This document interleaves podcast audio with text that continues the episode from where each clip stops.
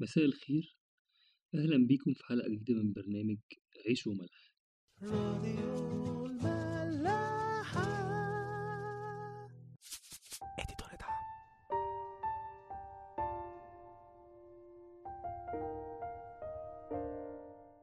الحلقة اللي فاتت كنا بدأنا المزمور الرابع ووصلنا لغاية الآية اتنين فهنقرأ مع بعض من أول الآية تلاتة لغاية آخر المزمور. بيقول فاعلموا أن الرب قد ميز تقيه. الرب يسمع عندما أدعوه. ارتعدوا ولا تخطئوا. تكلموا في قلوبكم وعلى مضاجعكم واسكتوا. سلاح اذبحوا ذبائح البر وتوكلوا على الرب.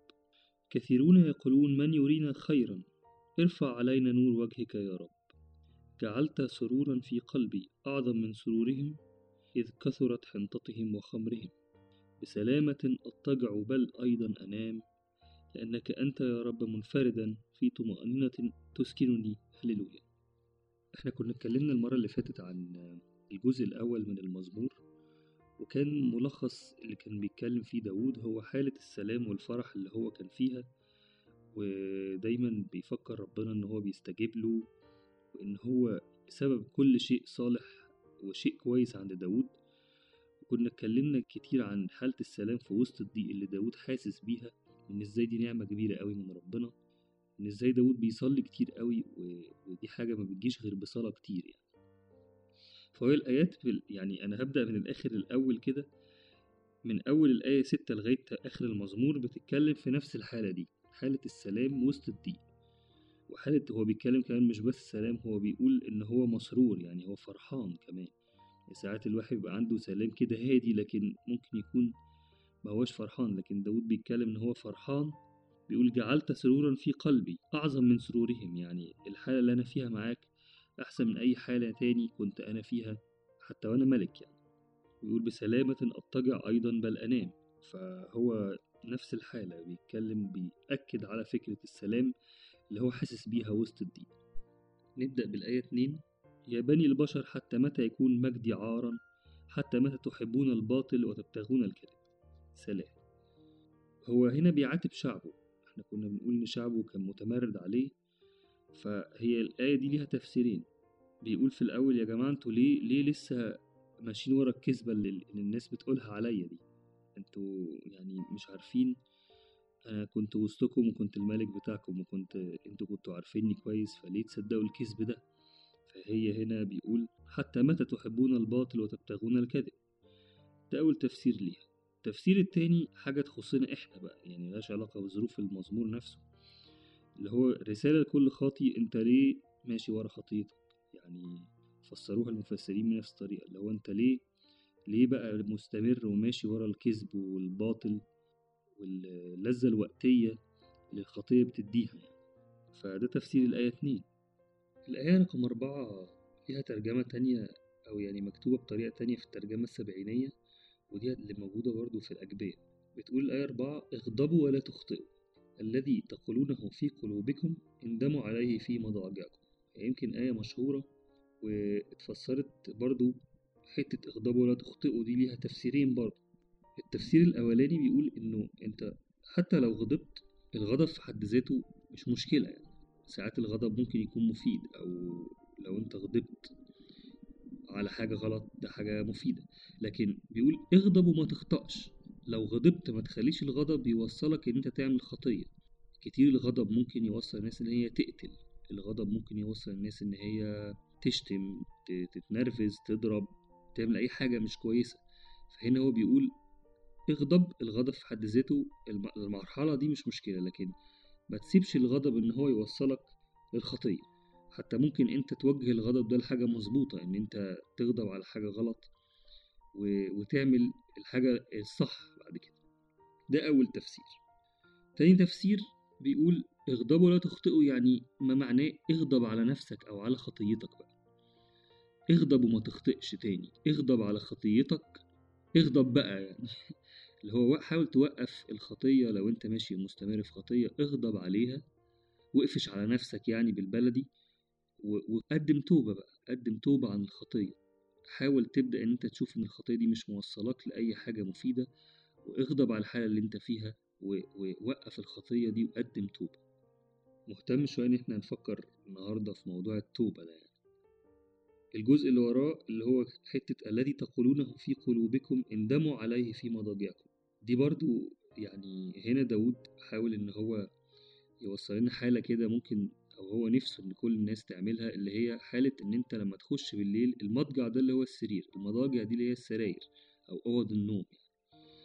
فبيقول لما تخش أوضة نومك تقف وتقعد في سريرك تقف تصلي تعمل أكنه حاول السرير كده المسبح صلاة اندم على خطيتك افتكر كل حاجة وحشة أنت عملتها في اليوم أو حاجة لو هي حاجة مثلا ماسكة فيك حاجة مضايقاك حاجة تعباك خطية معينة بقالها فترة مستمرة معاك اندم عليها وقدم توبة. الذي تقولونه في قلوبكم يعني كل فكر شرير انت فكرت فيه كل غضب كل خطية انت جواك اندم عليها في المضجع أو في سريرك وانت واقف تصلي قدام ربنا وقدم توبة عليها. موضوع التوبة طبعا يعني موضوع كبير قوي. بيتفسر كتير قوي وناس كتير اتكلمت عليه لكن أنا مش هرغي فيه كتير لكن حابب إن أنا أو يعني فكرت إن إحنا ممكن نجيب زي مثل كده مشهور جدا لحد من الناس اللي اتغيرت وقدمت توبة حقيقية لربنا هو قديس اللي هو قديس موسى الأسود. طبعا يعني دون الخوض في تفاصيل قصة القديس موسى الأسود هو كان قاطع طريق وكان لص وكان بيعمل كل حاجة غلط في الدنيا.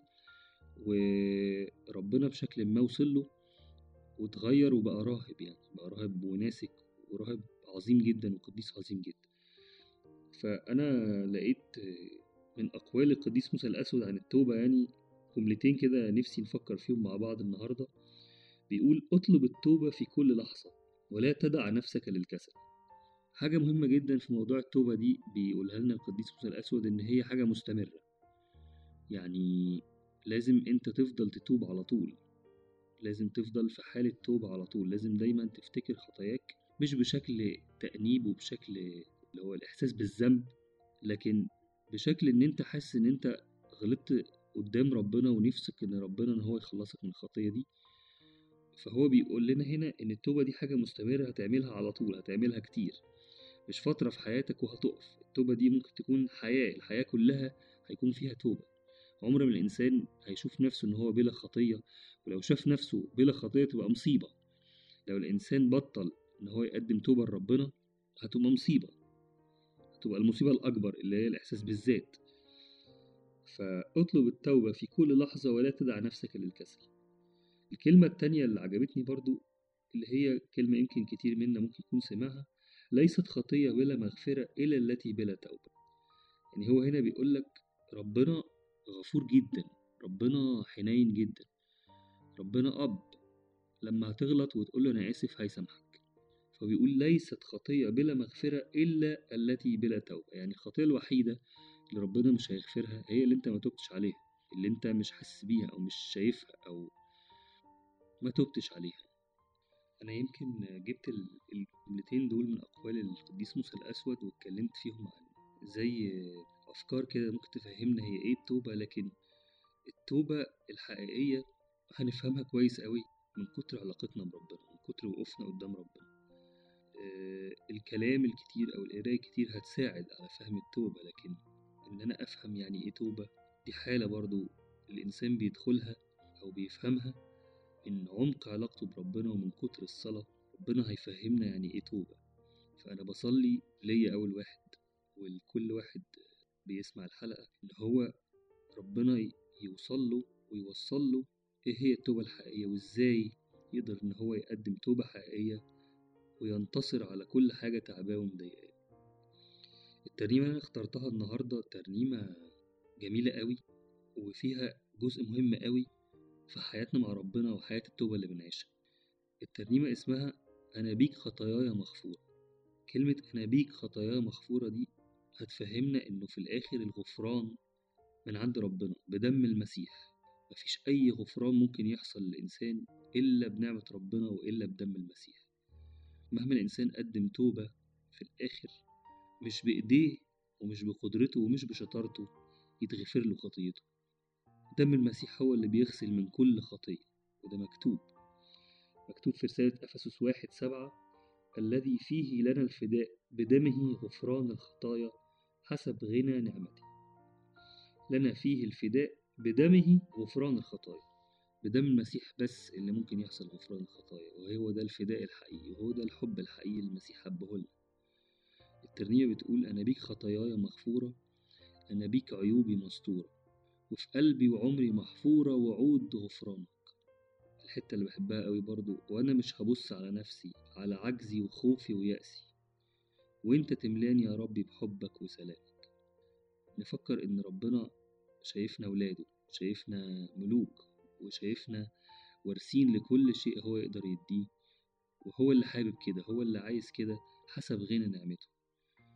فتوب واخضع قدام ربنا وانصحك لكن ما تبصش على نفسك وعلى عجزك وعلى قدراتك الضعيفة لكن بص على قدرة ربنا إن هو يخلصك من كل خطية قدرة دم المسيح وقدرة المسيح إن هو يغفر لك كل خطية. قدرة ربنا إن هو إنك تقف قدامه وإنت حاسس إن أنت أبيض. إحساس جميل قوي في كتير مننا وأنا واحد من الناس اللي حسيت إنه قريب بس. أنا ربنا إداني غفران حقيقي. فبصلي بجد إن الموضوع ده مهم جدا والشيطان بيلعب على إحساسنا بالذنب إن إحنا نبص على عجزنا وعلى خوفنا وعلى يأسنا ويلعب علينا باليأس يقولك أنت مش نافع. لكن لما يقولك إن أنت مش نافع اتأكد إنك ربنا عايزك وعايزك يقولك إن أنت أنت نافع وإن أنت بيه وبدمه مغفورة ليك خطاياك وهتعيش وهتنتصر على كل الخطية وهتكون ابن للمسيح. نسمع الترنيمة وأشوفكم الحلقة اللي جاية.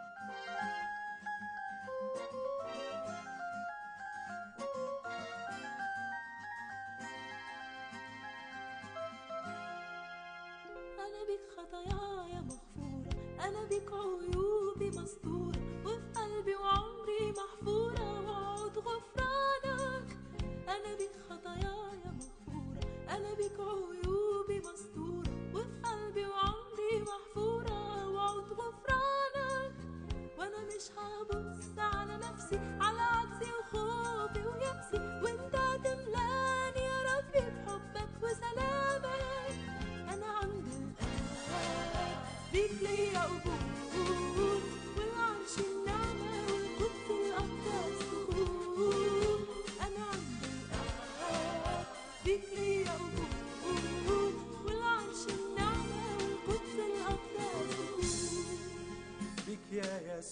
المسيح. عمري مليان بالتسبيح ولساني هيهتف ويرنم يعلن عن مجدك.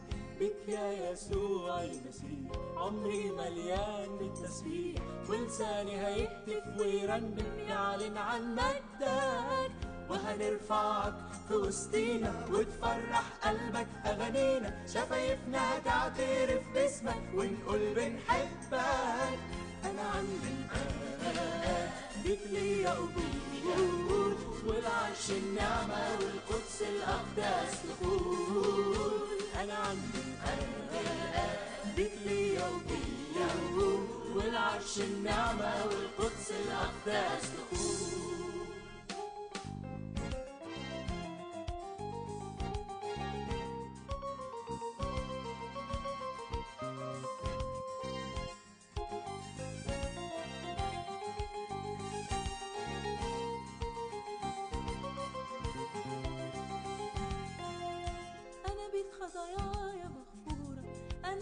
عيوبي مستورة وفي قلبي وعمري محفورة وعود غفرانك أنا بيك خطاياي مغفورة أنا بيك عيوبي مستورة وفي قلبي وعمري محفورة وعود غفرانك وأنا مش هبص على نفسي على عجزي وخوفي ويأسي. وأنت هتملأني يا ربي بحبك وسلامك.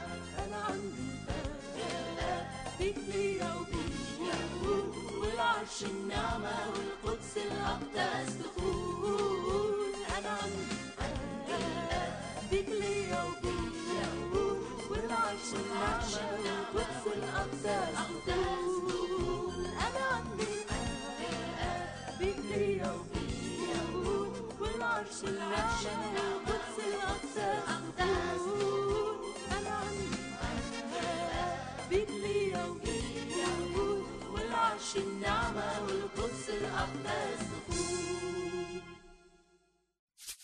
راديو ملاح. دي دنيا